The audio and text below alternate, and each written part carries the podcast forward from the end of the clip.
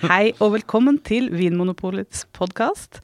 I studio i dag sitter Jens Nordahl og Anne Stueland. Jeg heter Anne Engrav, og vi skal snakke mer om Vinmonopolets mangfoldige historie. Ikke sant, Jens? Ja, og nå har vi kommet oss fram til andre verdenskrig, og da eh, er vi jo i en veldig spennende periode av norsk historie. Ja, for nå har vi altså gått gjennom ganske grundig opprettelsen av Vinmonopolet. Hvordan det var i forkant, hvordan de første åra var, og nå er vi altså kommet fram til rett før krigen skal bryte ut. Uh, hvordan var ståa da i, hos oss i Vinmon AS Vinmonopolet?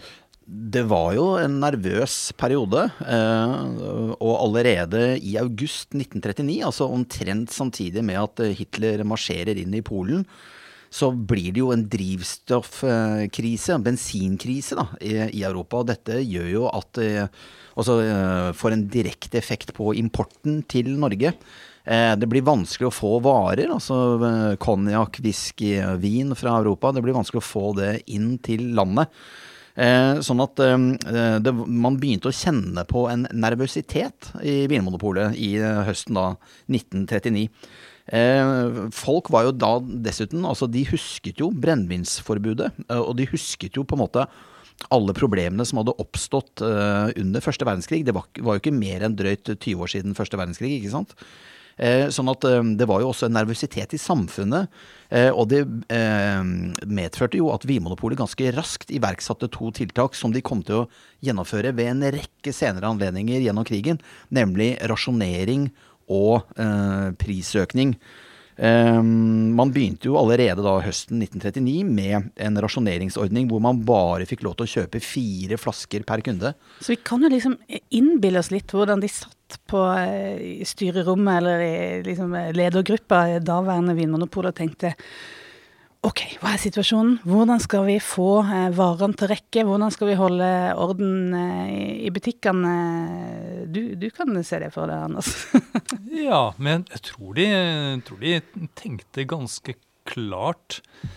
Det var kanskje litt diskusjoner rundt det om, eh, om rasjonering var den fornuftige måten å gjøre det på. Eh, noen tenkte vel at hvis vi rasjonerer, så begynner folk å hamstre. Mm. Og da får man en motsatt effekt. Da går plutselig salget opp. Ja, det er dette med vareknapphetens psykologi, som man kaller det. Det er helt riktig det dere sier her, begge to. Eh, og det var akkurat disse dilemmaene de satt og kjente på. Eh, og det var jo ulike personer i Vimopols ledelse som da ville ha rasjonering. Eh, andre var jo veldig redd for det. Uansett så hadde de jo det samme målet, nemlig at bedriften skulle liksom rulle og gå mest mulig rolig. At det skulle være minst mulig stress og hysteri der ute knyttet til eh, Vinmonopolets eh, salg. Man ønsket ikke køer, det blir fort et ordensproblem. Man ønsket ikke at uh, lagrene skulle gå tomme. Så stabil drift har jo alltid vært veldig bekvemt for en ledelse. Eh, det blir jo veldig mye træl og pro pro problemer da, hvis liksom, eh, lagrene skulle gå tomme og butikkene måtte stenge. Så det er dette liksom med å ha steady state, da, altså stabil drift, det var et sterkt poeng i seg selv. Mm. Og så er det jo da akkurat sånn som du sier, Anders. ikke sant? Paradoksale her er jo at ved å innføre rasjonering, eh, så trigger det da en form for angst hos eh, nordmennene, som gjør at de da løper til Vinmonopolet, på tross av at de bare får lov til å kjøpe fire flasker per eh, handel.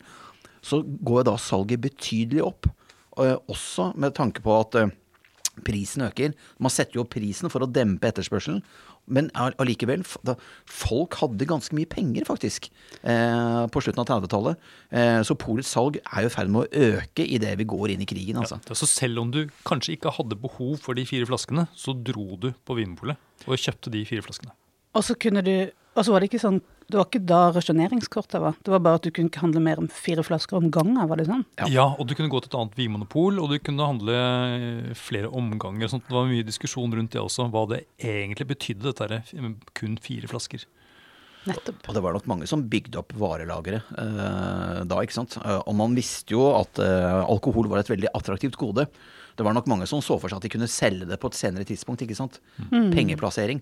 Sånn at eh, det dette, nok... var dette var også før invasjonen? Ja, dette, dette var før invasjonen. Og vi, vi, er nå på høsten 1939, så det var en nervøsitet her. Eh, eh, og vi skal jo huske det at liksom Hitler, eh, Hitler og, og, Tyskland de ekspanderte jo i Europa. De, de, jo, de, invaderte jo land etter land. ikke sant? Så det må jo ha vært en voldsom nervøsitet rundt du, omkring. Men Jens, du har jo også sett på salgstallene av, uh, av musserende vin, og spesielt champagne, ja. i 1939. Ja. Og uh, virket folk nervøse når det gjaldt uh, musserende vin? Ja, det, altså. hvis man skal lese noe psykologisk ut av champagnesalget vårt, og det kan man kanskje nesten gjøre, så det var det jo veldig interessant at eh, det var ganske lavt i starten, eh, og, men så ble det da en rekord i 1938, som igjen ble slått i 1939. Da solgte Vinmonopolet godt over 100 000 liter eh, champagne da det året. Og vi måtte faktisk helt fram til 1999, altså til år tusen, tusenårsskiftet, da, eh, før eh, champagnesalget nådde de samme høyder igjen. Så det var en rekord som sto da i litt over 60 år. Eh, ganske spesielt. Man kan jo da lure på om da denne eh, champagnetoppen i 1939 var et uttrykk for en sånn der mentalitet hvor da liksom folk skjønte at ok, nå går det snart til helvete. La oss unne oss det beste en siste gang før liksom alt braker løs og vi fortaper oss liksom i brutalitet og krig og elendighet. Og som du sier, så må det jo også bety noe at det må ha vært litt penger mellom hendene til folk òg? Ja, jeg trodde jo at de 30-åra var liksom veldig harde, og det har de nok vært også. Men så har man jo etter hvert fått orden på økonomien, da. Og det vi i hvert fall leser oss til når vi blar igjennom disse historiske verkene, det er jo det at det var eh, eh, mye mindre pengeknapphet enn vareknapphet. Det var jo vareknappheten, mangelen på varer i butikkene, som var det store problemet, kanskje på 30-tallet og 40-tallet. Folk hadde penger, og det var en vilje til å kjøpe eh, produkter. Eh, og også dyre, eksklusive produkter. Folk ville ha kvalitet. Men hva tenk, altså Vinmonopolet selv, eh, mente de at de hadde lite varer på lager sånn i inngangen av krigen? Nei, i utgangspunktet ikke. Man hadde ganske bra med lagerkapasitet. Altså Man hadde ganske bra med varer på lager, så vidt jeg vet. Både når det gjaldt konjakk og whisky og portvin og fransk rødvin, Bordeaux ikke sant, og alle disse eh, klassiske tingene. Eh, så var det en del egenprodusert, eh, hjemmelaget vare også, akevitt og den type ting. Men man hadde bra varelagre. Det var jo ingen som visste hvor lenge krigen skulle vare. Men man, man skjønte jo at dette kunne bli langvarig, så man var jo veldig opptatt av at disse lagrene skulle skulle vare lengst mulig. Og så var det jo da, eh, om ikke full stopp i importen, så var det betydelig redusert import som følge av denne bensinkrisen eller drivstoffkrisen i Europa. ikke sant? Skip ble jo torpedert, ikke sant. Togene stoppet jo ved grensene. Man fikk ikke varene opp fra Europa. Dette medførte jo da at man skjønte jo at det var vanskelig med supply. da, At man da måtte få de lagrene man hadde til å vare lengst mulig. Mm. Og der har vi jo på en måte allerede eh, Vinmonopolet har tatt noen grep som viste seg skulle bli ganske heldige for, mm, som du sier, en bedrift som er ganske avhengig av eh, import. Ja. Veldig avhengig av import. Plutselig så blir selvberging kanskje mer relevant. Og da hadde vi jo dette her Du kalte det tidligere tempelet for kong alkohol på Hasle.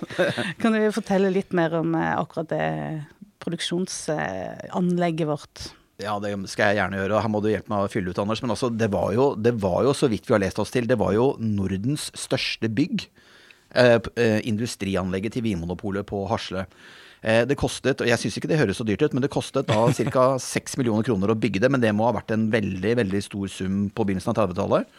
Så vidt jeg forstår, så tenkte norske myndigheter sånn keynesiansk. Man ønsket å få folk i arbeid, og man ønsket også å få omsetning av norske byggevarer. Eh, altså mur, murstein, ikke sant, plank osv. Sement og alt mulig rart. Eh, og eh, bygde, staten bygde jo da dette tempelet eh, på Eh, på Hasle da, i Oslo. Eh, Vinmonopolets produksjonsanlegg.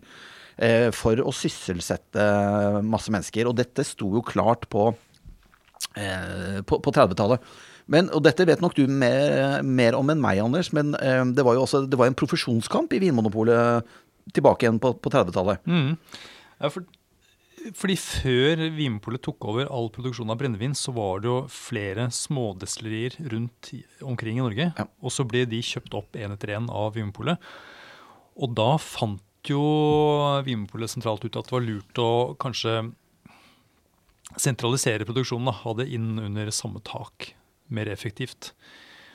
Og med den tanken så fikk jo ingeniørene i bedriften, de fikk jo mer gjennomslagskraft, fikk bestemme mer. Og det ble en sånn skal jeg si, en liten, eh, en liten kamp da mellom eh, eh, de i Vinpolet som drev med vinkultur og vinimport. Den gamle vinbransjen, ikke Ja, sant? nettopp. Og det var de som var sentrale personer i, i begynnelsen av Vinpolets historie. Mm. Men så kommer da brennevinsproduksjonen inn for fullt. eh, Og folk flest i Norge de drikker jo brennevin eh, og ikke vin. Um, og siden at dette nye anlegget kommer på plass, så, så får jo da ingeniørene mer å si. Og det liker da denne vineliten dårlig.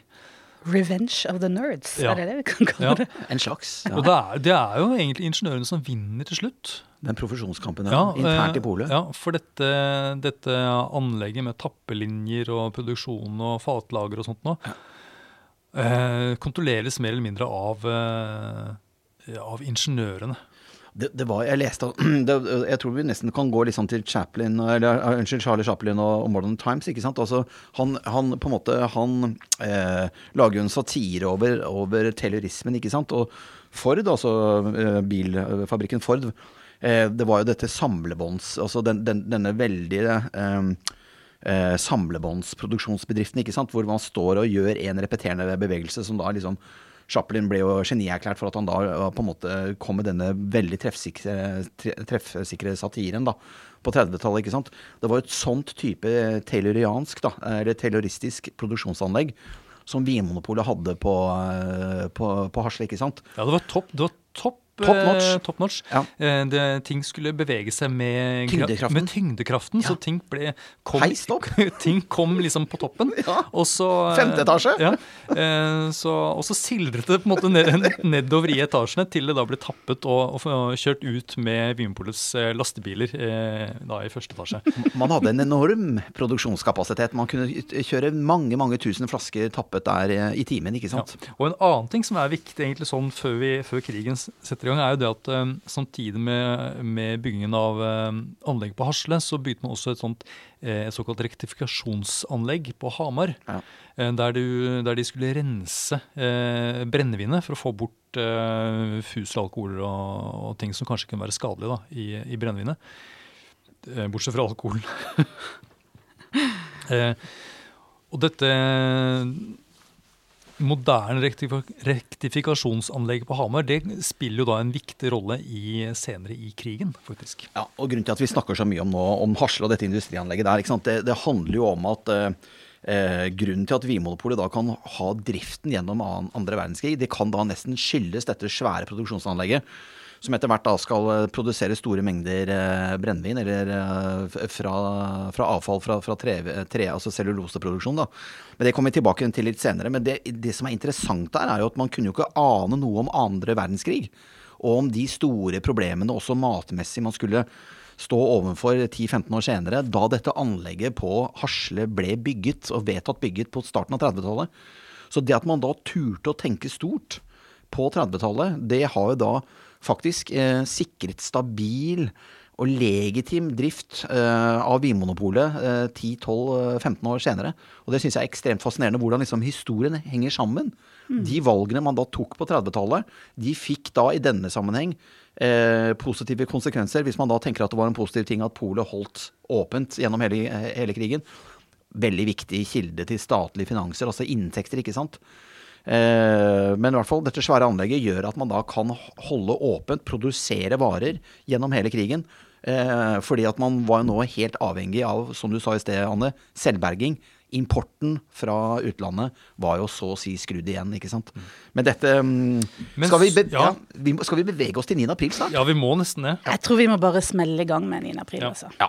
Ok, hva skjer eh, i et polperspektiv? Er det business as usual? The show must go on? Eh, Det ble jo det etter hvert, da, 10. juni, men også 9. april så er det jo nervøsitet, ikke sant. Og det var en kaotisk og eh, uoversiktlig situasjon. Eh, Det var ikke sånn at alle butikkene stengte helt med en gang, men mange butikker stengte. Og var sånn delvis stengt fram til 10. Eh, Det som morsomt nok skjer, er jo det at stort sett de fleste polene stenger 9. april, men det gjør ikke restauranten i Oslo. og, og da har vi bladd litt i gamle bøker her, og så ser vi det da at eh, altså, Og det var jo da i, i, i gamle dager så var det jo slik at eh, det var skjenkekontrollører ute på byen hver dag. Eh, og eh, den 9. april så var det lite folk på byen. Den 10. april det samme. Også den 11., men den 12. april, allerede tre dager etter invasjonen, så begynte billivet å ta seg opp. Eh, og da skriver da skjenkekontrolløren eh, etter at den første forskrekkelsen over den tyske invasjonen hadde lagt seg, har det nå blitt stor økning til restaurantene. Så de, altså Oslofolk hadde nervene under kontroll. De trengte bare tre dager på å fordøye den tyske invasjonen. Og etter det så gikk jo da utelivet i Oslo for fulle mugger. ja, men Kanskje det er litt sånn her en salme ved reisens slutt? Men da, At man følte for men da var det vel tyske gjester også, kanskje på disse restaurantene? Ja, og det forundrer meg. eh, For at eh, en av grunnene til at eh, restaurantlivet i Oslo gikk så det suste i 1940, det ble jo et veldig, veldig bra restaurantår i Oslo, altså utelivsår. De satte jo omsetningsrekord. Det handler jo akkurat sånn som du sier, Anders. Det handler jo om at tyskere gikk jo også ut på byen. Og da må jeg si, jeg er jo veldig undre... Altså, hvordan var det da å være Oslo-borger, liksom, å stå side om side? Gjorde de det, liksom? Og, og drakk brennevin på kneipene? Veldig rart å se for seg, altså. Ja. Gikk de sivil da? Nei, de gjorde jo ikke det. Men etter hvert så fikk jo tyskerne egne utesteder. Ja. Eh, de gjorde det. De, de gjorde det, og de fikk også egne varer eh, som de fikk tappet opp på Harstad. Ja. Så, men i starten så må det nok ha vært eh, Så må det nok ha vært både nordmenn og tyskere på de samme utestedene. Mm. Og det er veldig rart å se for seg da at eh, okkupasjonsmakt og på en måte eh, den okkuperte nasjonen at de skal liksom stå på, på bar skulder ved skulder og, og drikke, drikke øl og brennevin og vin eh, på kvelden. Ja, det er rart. Ja. Men hva med, eh, hva med liksom selve butikkflyten for, for polbutikkene, da? Fikk de liksom eh, Hvordan var den derre Fikk de fylt opp hyllene? Folk ville sannsynligvis ha eh, drikkevarer, men hvordan, ja, hvordan gikk det? Nei, det var nok eh, krevende også, for at eh, tyskerne de skulle jo ha alle varene sine, og sikkert også mye av krigsmaskineriet sitt ut i, ut i landet. Så det de gjorde, de dro jo opp på Hasle og rekvirerte 20 lastebiler, og sa at vi må, ha, vi må disponere disse 20 lastebilene. Eh, og vi må også ha 20 sjåfører som kan kjøre dem. Og, og det var litt kult, da, for at, uh, da, det nekter jo polet på og sier at altså, det, vil jo stoppe opp vareforsyningen ut uh, fra lagrene våre. Altså, det vil jo bli full stopp uh, hvis vi må gi fra oss alle disse bilene og sjåførene. Så man sa det at dere kan få ti. Altså, de begynte her å krangle med tyskerne på det. Og det viser jo det at det var jo ikke en sånn enorm servilitet her. Det viste jo, For jeg har jo ofte lurt på liksom sånn, hvordan var det egentlig å bli okkupert av et annet land? Altså hvor, hvor mye dikterte de? Eh, og her er det jo helt opplagt at nordmennene de turte jo å artikulere eh, sine standpunkter i møte med ok okkupasjonsmakten. Ja. Og det syns jeg på en måte er, det er litt flott å lese om. Eh, at de turte det. Eh, og, Og at at de da du fikk faktisk kom gjennom ja, med disse argumentene. Ja. Ja, for det ble bare de ti bilene. Så vidt jeg forstår, så jo- gjorde, gjorde det. Eh, og de får da liksom Tyskerne får sitt, og så, og så deler man det broderlig. sikkert med Det, det svei sikkert noe voldsomt for Polet å gjøre det, men man delte det på midten. De fikk halve kravet innvilget. Eh, ti til tyskerne og ti til eh, Polet selv.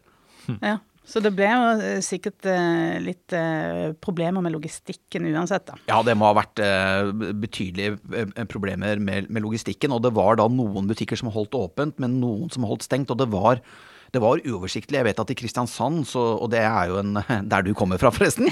Yes. Anne, ja. Men avholdskampen har jo alltid stått veldig sterkt på, på Sørlandet, og jeg vet at de, myndighetene i Sørlandet de benyttet jo dette her til en gyllen mulighet til å stenge Vinmonopolet. Så der var jo alt stengt hele veien. Men det gjaldt ikke Oslo. Der var det litt mer sånn noen butikker holdt åpent. De som kunne, de som kanskje fikk varer, mens andre hadde stengt. Så det var uoversiktlig. Men som sagt, på Sørlandet så var alt stengt, for der har jo avholdsrørsla alltid stått sterkt. Og man benyttet seg av dette som en mulighet til å stenge polet. Men Var det ikke en av butikksjefene i Kristiansand selv, altså Vinmonopolets butikksjefer, som ikke ville åpne butikken igjen når det ble bestemt at det skulle åpnes? Ja, det veit du mer enn meg, men uh, kjør på. Ja, nei, også Politimesteren også mente at det var Byens ugress ville gå da i håndgemeng med tyskerne Ja. hvis de fikk seg alkohol. Oh, Ja, At det skulle svekke ordens- motstandskampen, liksom. Nei, at det skulle bare Ordensforstyrrelser. skulle orden, Å, ja, sånn, ja, ja. nettopp. Mm. skulle hisse, hisse opp stemningen mer enn ja. At nordmenn skulle bli bråkebøtter i fylla, og så skulle de da eh, kaste seg over de tysk tyskerne som patruljerte på dagtid. Ok, Så det var sånn eh, noen butikker holdt stengt, andre butikker eh, var åpent. Ja, men, så måtte det bli en orden på dette, er det, ikke sant. Uh, og man fattet jo da en beslutning. Uh, for det var jo sånn at det var Høyesterett den 15. april, så hadde man Regjeringen hadde jo stukket av gårde, ikke sant. Den hadde jo remt. Uh, så hvem skulle da styre Norge? Jo, det ble jo besluttet av Høyesterett at et såkalt administrasjonsråd skulle styre Norge. Og dette administrasjonsrådet det skulle da holde hjulene i gang. Det besto så vidt jeg vet, bare av borgerlige, borgerlige politikere av en eller annen grunn jeg ikke kjenner til. Uansett, dette, eh, dette administrasjonsrådet, som da liksom styrte Norge mest sånn administrativt, det bestemte det at fra den 10. juni så skulle Vinmonopolet holde åpent fire dager i uken, og det skulle fortsatt bare være lov å kjøpe fire flasker per kunde. Så det var en sånn fireregel, og de fire dagene som polet skulle åpne, det var mandag, tirsdag, onsdag, torsdag.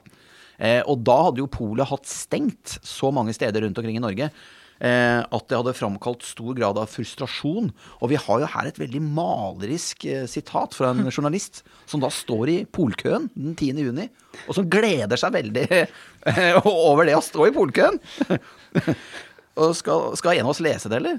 Ja, les det. Jeg gjør det, jeg syns det er vakkert. Jeg er dårlig på høytlesning, men vi får ta det her. Det er altså da fra den borgerlige avisen, Oslo-avisen Tidens Tegn. Uh, Fins den fortsatt, forresten? Den, gjør den det? Hæ, jeg har ikke Ikke, sett, ikke som jeg vet. jeg har ikke sett den. Nei. Det er i hvert fall en veldig, veldig skrivefør journalist da, som skriver da fra en rapport fra polkøen da den 10. juni 1940. Vi sto der, kjærlig klemt opp til hverandre, som en stor, solidarisk flokk med en løftende felles oppgave. Vi lignet en strøm pilegrimer på vei til Mekka. Forventningene og solskinnet gjorde nok sitt, og vi følte det vel som om porten til våre lengseles have var slått opp, og ingen kjeruber med flammende sverd hindret adkomsten dit. Polkøen var friheten. Polkøen var det på en måte Polkøen var eh, perleporten til det forjettede land, på et vis. Det var jo De gledet seg sånn til å da kjøpe vin og brennevin igjen at eh, det måtte da hylles på denne måten i, eh, i Oslo-avisen Tidens Tegn. Men tror du, Jens, altså eh, avholdsbevegelsen de ville jo aller helst bare stenge vinpolene for godt under krigen. Det ville de nok. Eh, Men de som ønsket å holde åpent, eh, og også Terboven, f.eks., også tyskerne, tenkte de litt sånn at eh, hvis vi sørger for at, er, at folk får noe å drikke, så, eh, så er folk fornøyd.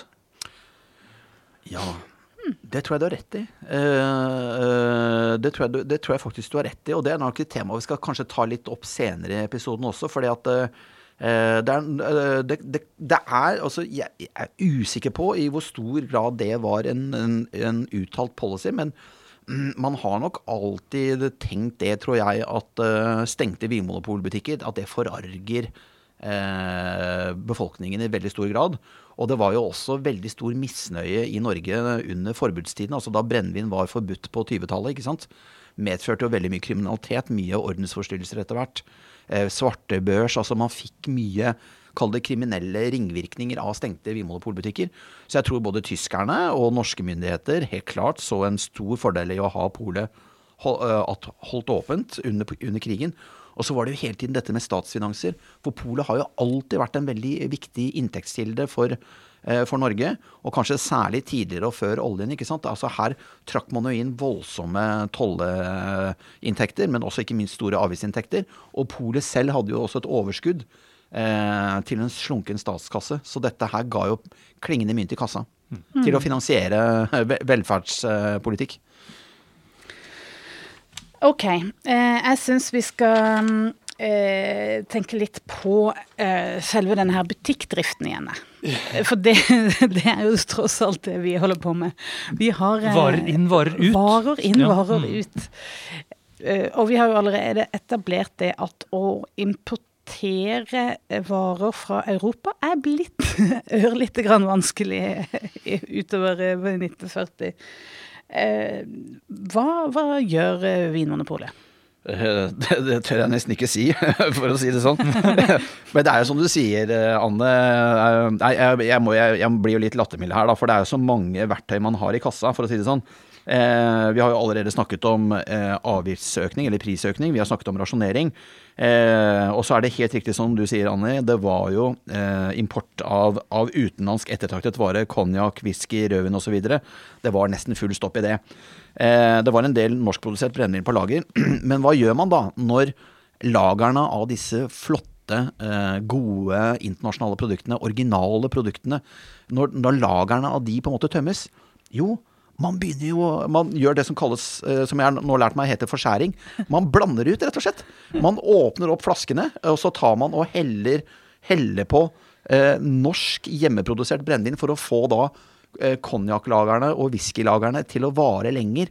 Og det er da jeg begynner å bli, uh, bli litt lattermild. Men så har jeg veldig lyst til å returnere spørsmålet til dere som jo er veldig varefaglig kompetente. Dette høres jo ikke ut som særlig eh, en god ting å gjøre sånn rent varefaglig, da. Nei, altså Det var norsk brennevin som ble blandet inn i disse originalvarene. Um, og i begynnelsen av krigen så var jo dette brennevinet basert på potet, regner jeg med. Ja. Men det var vel ikke fatlagret, eller det var ikke så mye smak i det. Jeg bare regner med at uh, en konjakk som ble da uh, forskåret ja. med norsk brennevin, smakte mindre, rett og slett. Det var like sterkt, men smakte mindre.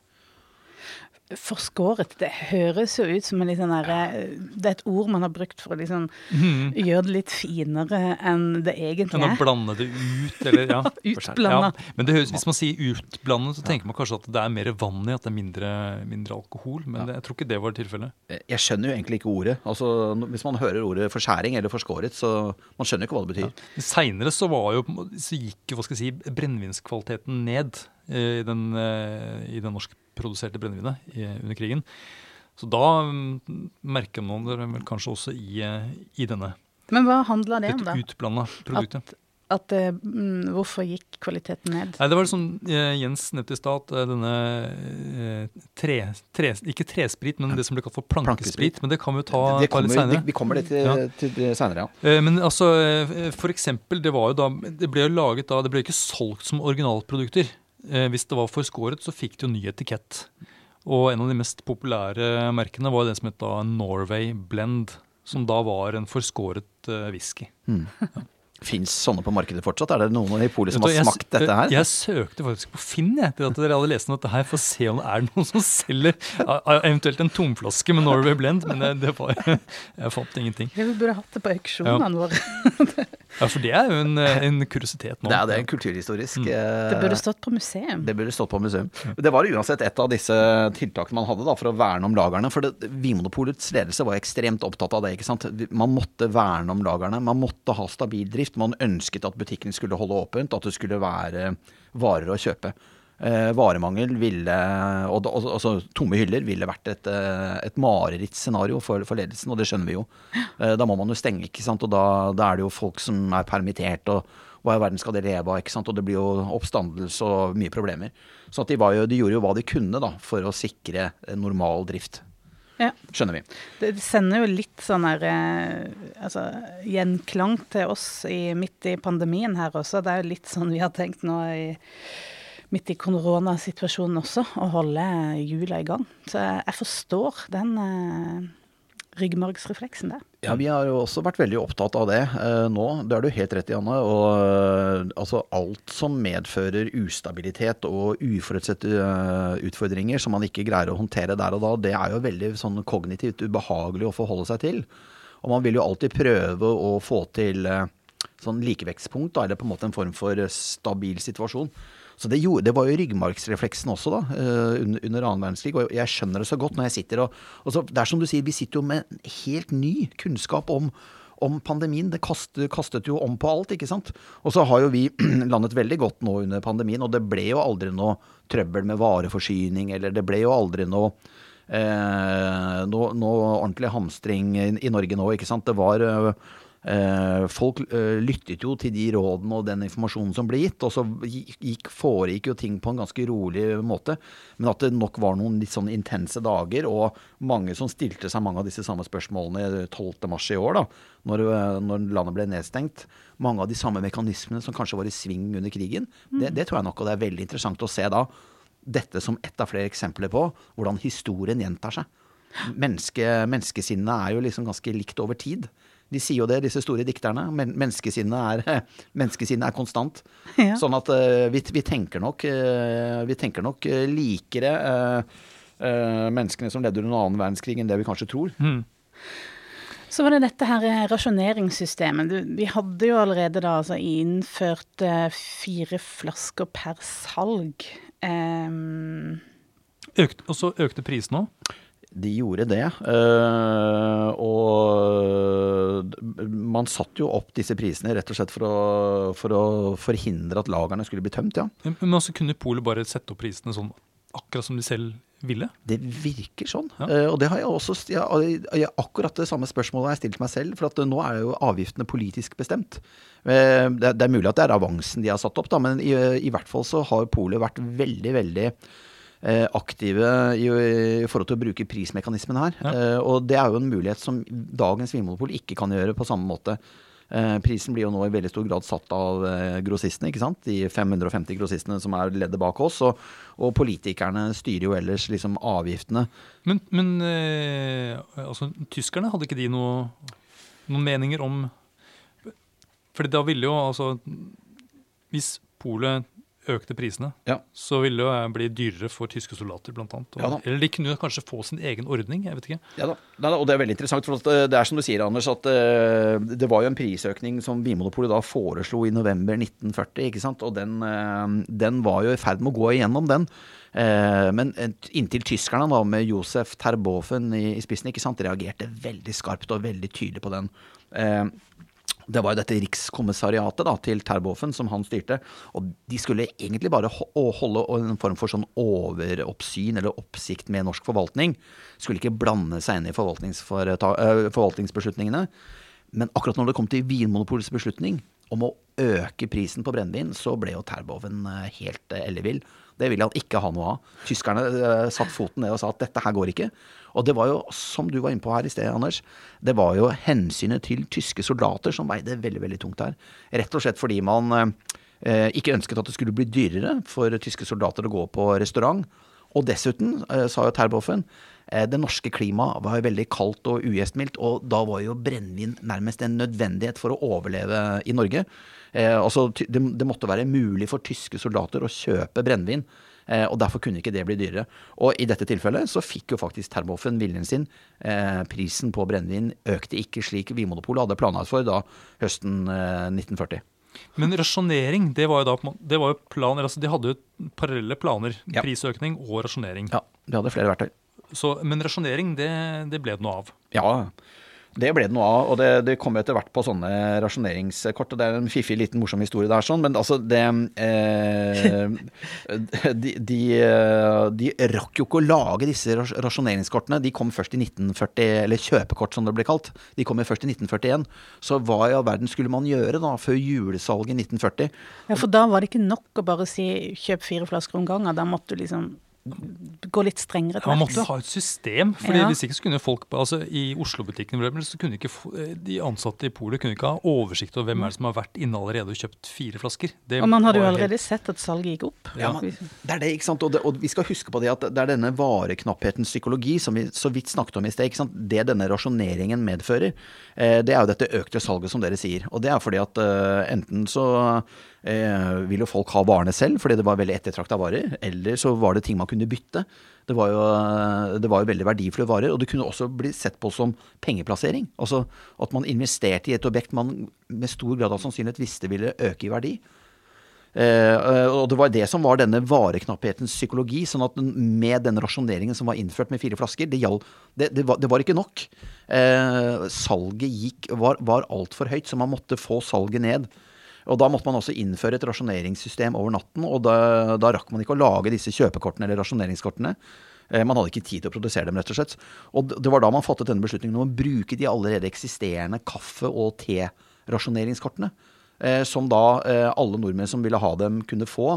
Alle nordmenn faktisk over seks år eh, kunne, kunne ha sånne kaffe- og tekort. da.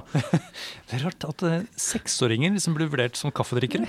Eller tedrikkere. Sånn, ja, Ja. sånn var det kanskje i gamle dager. Men det var veldig sympatisk da, at, man eh, var så opptatt av en rettferdig fordeling av disse knappe godene at til og med barn nede i seksårsalderen kunne få disse eh, rasjoneringskortene. I hvert fall det systemet som ble innført for å få kontroll på salget til julen 1940, det var jo da at man måtte ta med seg dette kaffe- og tekortet, og da få klippet av et hjørne eh, på det kortet. Eh, og det tok jo ikke lang tid før foreldre som ville ha mer enn én flaske, da lånte barnas kort, og så fikk de klippet av hjørnene på barnas rasjoneringskort òg, da. Ja, for hadde du da eh, fire unger mellom, som var fra 6 til 20, under, under 21 år, som da var aldersgrensen for å kjøpe brennevin, så kunne du da få tre ekstra flasker til jul. Det kunne du. Eventuelt da spare på de flaskene og bytte mot flesk seinere. eller noe annet du hadde lyst på.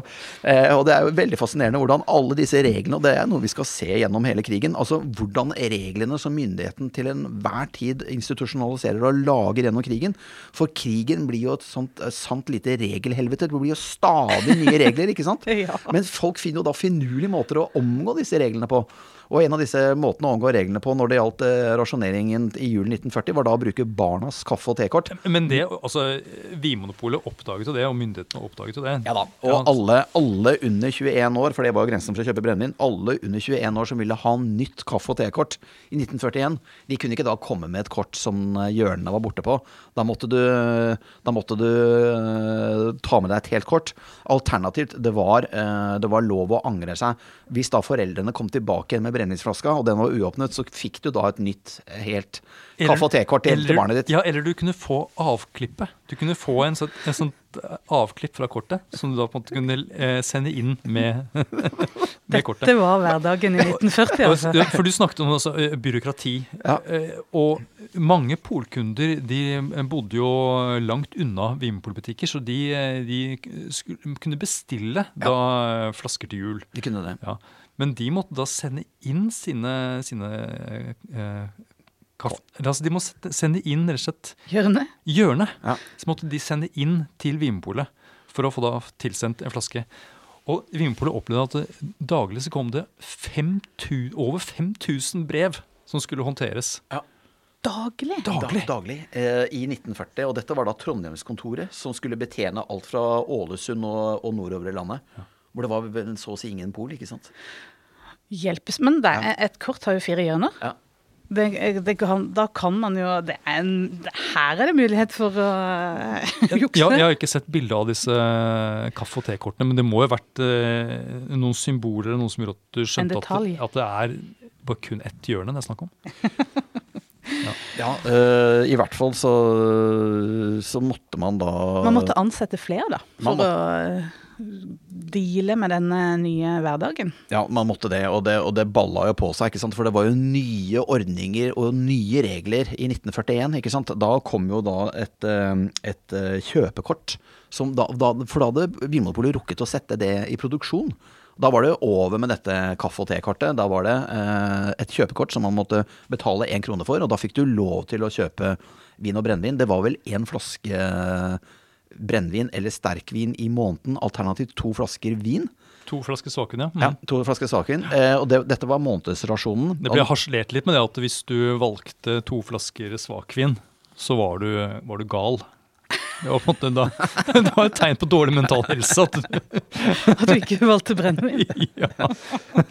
Uh, dette kostet, eh, kortet kostet én krone. Det skulle, da, ja, det var, det var et vinmonopolkort. ikke sant? Det Ja. var ikke et eh, kjøpekort for andre typer produkter. Det var kun Vinmonopolet. Ja, eh, for at det ble en ordning for at ting skulle være altså, det, det er som du var inne på her, ikke sant, Anne, i sted. Det blir jo veldig mye regler, det blir mye byråkrati. Det blir veldig mye statistikker, det blir mye å holde orden på. Det blir masse sånn rettferdighetsprinsipper man, eh, som skal institusjonaliseres fordi at det er knapphet eh, på disse varene. Sånn at øh, det, dette kost, kortet kostet én krone for å dekke da de betydelige administrasjonskostnadene knyttet til denne nye ordningen. Eh, var, man måtte søke om å få det. Lå det en drukkenskapsdom på deg, og så hadde du på en måte vært i fyllearresten, hadde du slåss med offentlig tjenestemann på et tidligere tidspunkt, så fikk du ikke dette kortet. Eh, ikke for evig og alltid, men for en god periode. Eh, 13 000 nordmenn var jo på svartelista under krigen, eh, og fikk ikke et slikt kort. det var da uh, av innbyggere over 21 år, for det var jo aldersgrensen på brennevin, ikke sant. Så var det syv av uh, 1000 som ikke fikk dette kortet.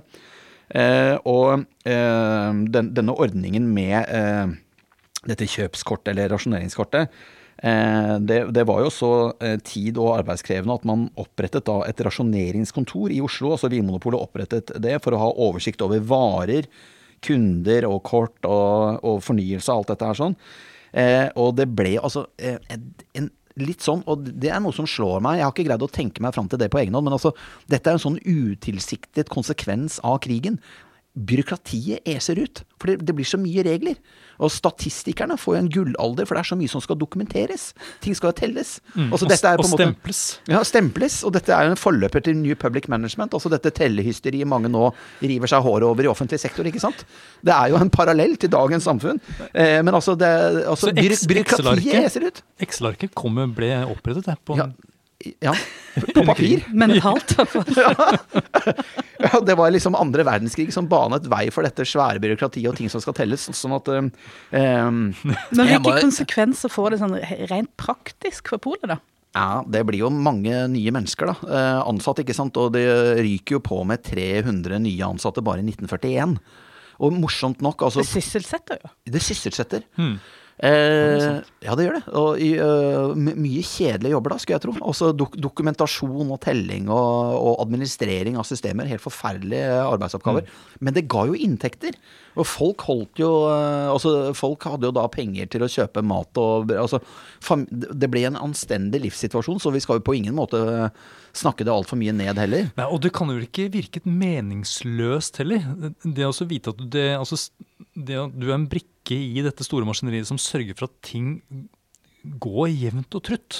Galskapen bryter ikke ut, liksom. Nei, og det er ikke et barbari. For liksom, eh, nå, liksom mange mange tiår etter andre verdenskrig, eh, så kan man liksom se for seg at man liksom går inn i en form for naturtilstand i en krigssituasjon. At det blir liksom de sterkeste Altså den sterkestes rett, ikke sant. Og at tyskerne dominerer alt og bare gir masse ordre og på en måte herrer og står i, og det har de sikkert gjort også. Men det virker jo som at det var institusjonalisert noen prinsipper om rettferdighet her også, ikke sant. Det var jo rasjoneringsordninger. Det var jo for at det var ikke bare de rike, de bemidlede, som skulle ha råd til dette her. Man ønsket jo at Eh, det skulle være minst mulig svartebørs, at godene skulle være mest mulig jevnt fordelt. ikke sant? Så det har jo, det har jo vært noen rettferdighetsprinsipper her som jeg syns det egentlig nesten er litt nydelig å, å lese om. Men noen fikk jo da en, en større rasjon enn andre. Eh, blant annet altså de som var eh, høytstående altså NS-medlemmer, eh, NS NS altså Nasjonal ja. Samling. Ja. Eh, de fikk jo økt kvota si. Men også eh, de som jobbet i fiskeri, ja.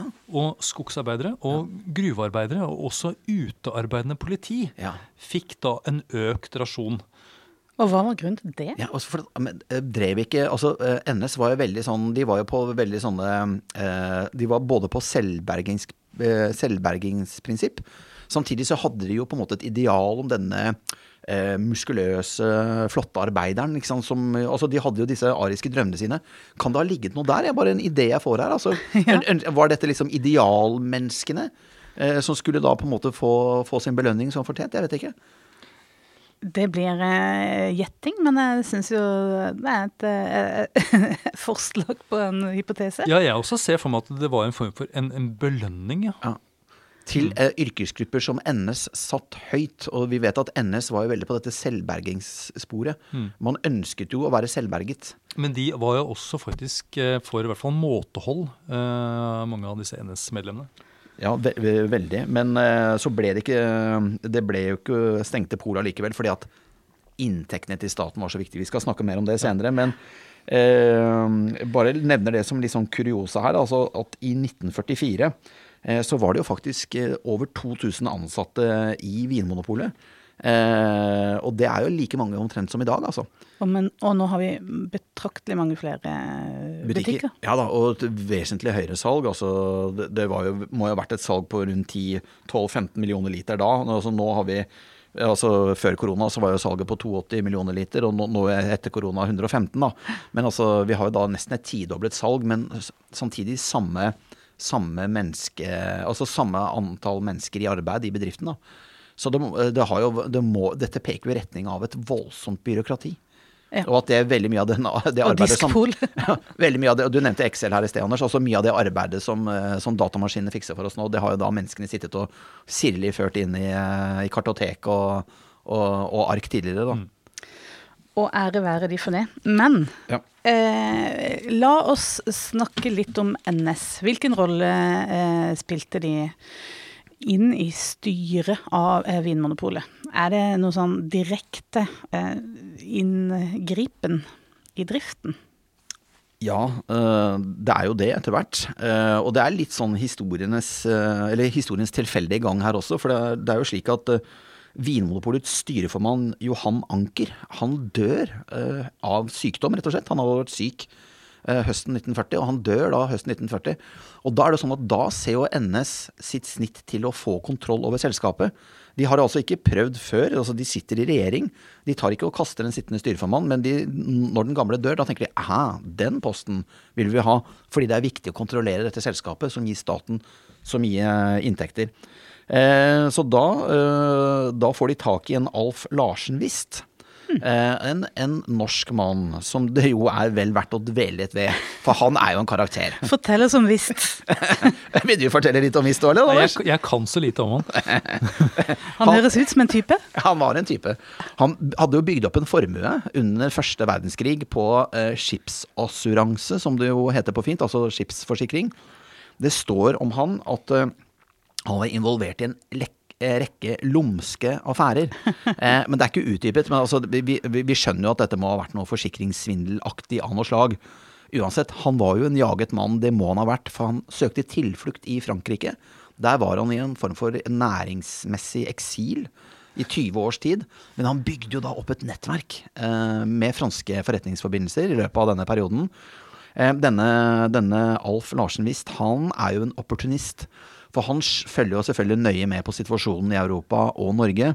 Og sommeren 1940, når han skjønner da at eh, NS blir det nye statsbærende partiet i Norge, så melder da denne luringen visst seg inn i eh, NS. Eh, han blir da et medlem av Nasjonal Samling, og han blir jo da forespurt av Quisling etter hvert, om han, eller noen andre NS-topper, om han har lyst til å være styreformann etter at denne Anker tilfeldigvis dør, altså den tidligere styreformannen da dør eh, høsten 1940, ikke sant? Og så takker han ja til det etter hvert. Um, Så han har liksom åla seg inn i liksom Ja. de øvre sjiktet av NS, da. Han- Kompis med Quisling og Ja. Han, han var jo en fyr med en, sikkert en ganske sånn flott karriere i Frankrike, og han må jo ha sett denne NS eh, Altså, han har jo vært en jaget mann av norske myndigheter. Eh, og så ser han nok da krigen og NS-regjeringen som en mulighet til å renvaske seg. Han kan da, da kom, komme hjem til Norge. Kanskje er han ikke da lenger straffeforfulgt. Han er en mann med et nettverk og med en betydelig kompetanse, med næringspolitisk kompetanse som Quisling ønsker å benytte seg av. Og første steg eh, på karrierestigen hans er at han da blir styreformann i Vinmonopolet. Året etter, i 1941, så blir han en form for ombudsmann. Eh, altså NS-regjeringens ombudsmann for næringsliv. Så to år senere, i 1943, så blir han faktisk minister i Quisling-regjeringen. Men han blir minister uten portefølje. Eller uten departement. okay. Han får, han får lov til å være med i regjeringen og sitte og ta beslutninger, men uten at han har noe ansvarsområde. Men så i 1944 så kroner han jo da eh, karrieren sin med å bli næringsminister. Så han har jo vært en kapasitet. Eh, helt opplagt. Og han har greid da, som du sier, Anne, å åle seg til topps eh, hele veien i dette NS-regimet, da. Eh, og man kan vel kanskje også da danne seg et bilde av at Quisling kanskje må ha vært i beita for dyktige folk. At det da alt lå til rette for denne antageligvis sjarmerende mannen som hadde på en måte 20 års fransk kompetanse, og som hadde vært kløktig nok da, da, til å bygge seg opp en uh, formue under første verdenskrig, dog da på antagelig litt ulovlig maner. Wow. Ja. Sånn, eh, sånn kan det gå. Men det gikk vel kanskje ikke så greit men han var i etterkant. Han hadde en eh, pangstart der, og så ble det vel en bråstopp etter krigen. Det tror jeg gjaldt veldig mange nazister, for å si det sånn. Det kom et år- Oppgjørets time kom jo i 45 da. Men hva gjør eh, Vista når han kommer til Vigmonopolet? Vinmonopolet? Eller hva er det han har mulighet til å gjøre Ja, han, som styreformann? han snakker jo maktens språk, da, ikke sant? og det er kjempespennende. ikke sant? For igjen har vi kanskje nesten her et sånt eh, eksempel på at historien gjentar seg. Noe av det første han gjør, er jo å reorganisere bedriften. Eh, han reorganiserer den på litt forskjellige måter. Han, eh, det var jo et styre bestående av mange personer i utgangspunktet. Det tar han og slanker ned til tre personer. Og det er jo rett og slett for å få kontroll over aktørene, og for å samle makten på stadig færre hender, aller helst seg selv. Eh, uh, selvfølgelig. Han innfører etter hvert noe som heter et førerprinsipp, og det kan vi snakke om senere. Men altså, han vil jo da Han kaller det faktisk førerprinsipp, men han vil jo da egentlig være eneherskende etter hvert. Men stormannsgalskapen tar han ikke helt med en gang. Han begynner først med en reorganisering. Eh, og morsomt nok også, han det hadde jo vært hyppige styremøter. Eh, men disse styremøtene ble jo veldig Altså, de, de ble jo avholdt sjeldnere og sjeldnere. Og det betydde jo at den løpende driften var det jo han som styreformann som i stor grad tok seg av, da. Så han på en måte han kvitter seg med andre brysomme opponenter i forhold til å ta beslutninger, og, og organiserer skuta slik at han tar mange av disse beslutningene selv. Eh, så kvitter han seg med en rekke mer sånn byråkratiske forordninger. Det var råd og stedlige styrer og tilsynsnemnder og mye rart som Vinmonopolet ut fra alkoholpolitisk eh, ståsted. Altså man hadde jo og Det snakket vi om i forrige episode, hvordan man da på en måte hadde tatt en posisjon, eh, blitt en alkoholpolitisk aktør i kjølvannet av korrupsjonsanklagene på 20-tallet og tidlig 30-tall. Så Vinmonopolet hadde jo en en, en alkoholpolitisk avholdsmessig, kall det funksjon. Da. Og dette var jo da byråkrati som han avviklet. Han begrunnet det med uh, Han avviklet det, avviklet det, i hvert fall veldig langt på vei. Han begrunnet det med effektivisering og at statsforvaltningen skulle bli billigere. Uh, men igjen, dette var jo et grep for å samle uh, mye makt på få hender, og aller helst bare hans egne hender. da. Uh, og så er det jo en digresjon, da. Uh, og uten sammenligning for øvrig, men jeg greier ikke å dy meg. Kjør på. uh, og, det er ut, og uten sammenligning for øvrig, men jeg har jo vært i Poli i drøyt 20 år, og har jo jobbet under tre ulike administrerende direktører med betydelige kvaliteter. Nå faktisk fire, ja, men tre tidligere. og det var Knut Grøholt, da, Kai Henriksen og senere Hildebritt Melby. Og det jeg da har registrert med et smil om munnen, er jo at alle disse tre poldirektørene, noe av det første de har gjort når de har begynt i Vinmonopolet, det er jo å reorganisere avdelingene på kjedekontoret. Men også da flytte fysisk, altså kjedekontoret eller hovedkontoret. Flytte det til en ny adresse. Så det handler jo om det er litt sånn maktens språk. Det handler, og, og her in, altså ingen sammen, sammenheng for øvrig. Bare la meg understreke det veldig tydelig. Jeg sammenligner ikke, ikke nå disse senere veldig sympatiske direktørene våre med, med, med, NS på ingen måte. Men jeg bare sier at dette, det er jo litt sånn maktens språk. Når det kommer inn en ny sjef, eh, så er det da veldig eh, fristende for den nye sjefen å forme organisasjonen i sitt bilde gjennomføre en reorganisering, og i mange tilfeller også da flytte kontorene fysisk. Kanskje for å skape organisasjonen da, i sitt bilde. Så jeg bare noterer det som et sånn pussig poeng. Mm. Historien har en tendens til å gjenta seg. Den har det. Jeg syns det er interessant. Men så eh, denne Hvis han eh, skaffer seg da større makt i Vinmonopolet, men hva fikk han gjort da? Ja, altså, Hadde han noe politiske altså, Ønska han å gjennomføre noe skulle nazistisk? Alle, skulle alle, måtte alle melde seg inn i NS for å være ansatt, eller hva var for, jeg, tenker, jeg, ser for meg at han har jo mulighet for å gjøre mye ugagn. Ja, øh, jeg òg. Og jeg, jeg, leste jo historien her med, med stor interesse. Og så syns jeg, jeg synes egentlig det både blir litt puslete og litt smålig det han holder på med. Eh, og det han institu institusjonaliserer av vedtak og nye forordninger. Men altså, eh, la oss begynne her, da. Vi har en liten liste her med, med, tiltak han gjorde. Han begynner å abonnere på så mange eksemplarer av Fritt Folk som var eh, organet, altså avisen til NS. Eh, han abonnerer på så mange eksemplarer av NS-avisen at de skal sendes rundt i alle pol, og at disse avisene skal ligge på spiserommet sånn at de ansatte skal lese dem. Det er ett grep han tar. Altså, det skal være nazistisk propaganda til stede fysisk i alle Vimopols butikker landet rundt. Det gjør han. Det tar han seg bryet med å ordne. Eh, så lager han også en, en, beslutning om at det skal være minst én NS-plakat på hvert eneste kontor i hele Vinmonopolet landet rundt. Og det var, jo, øh, det var jo kontor både i Trondheim og i Bergen og i Oslo. Og det var jo masse butikker ikke sant, som også hadde kontorer rundt omkring. Så det skulle henge minst én plakat på hvert kontor for, altså, det, er jo, det, er jo, ganske smålig, syns jeg. Det er jo noe sånn nordkoreansk over det. Ja, ja, absolutt. og mer enn nordkoreansk skal det bli, for det er jo også fattet et vedtak om at det skal henge bilder av Vidkun Quisling. Eh, på alle viktige rom, alle viktige kontorer og alle spiserom. Der skulle det henge altså da et gudebilde av Vidkun Quisling. Og dette ble jo liksom hverdagen som de polansatte måtte forholde seg til. Men disse bildene av Quisling ble jo stadig vekk revet ned, trampet på ødelagt. Og så måtte da noen komme og henge dem opp igjen, da. Men sånn holdt man på. Um, det var verveplakater som skulle uh, til Den norske legion.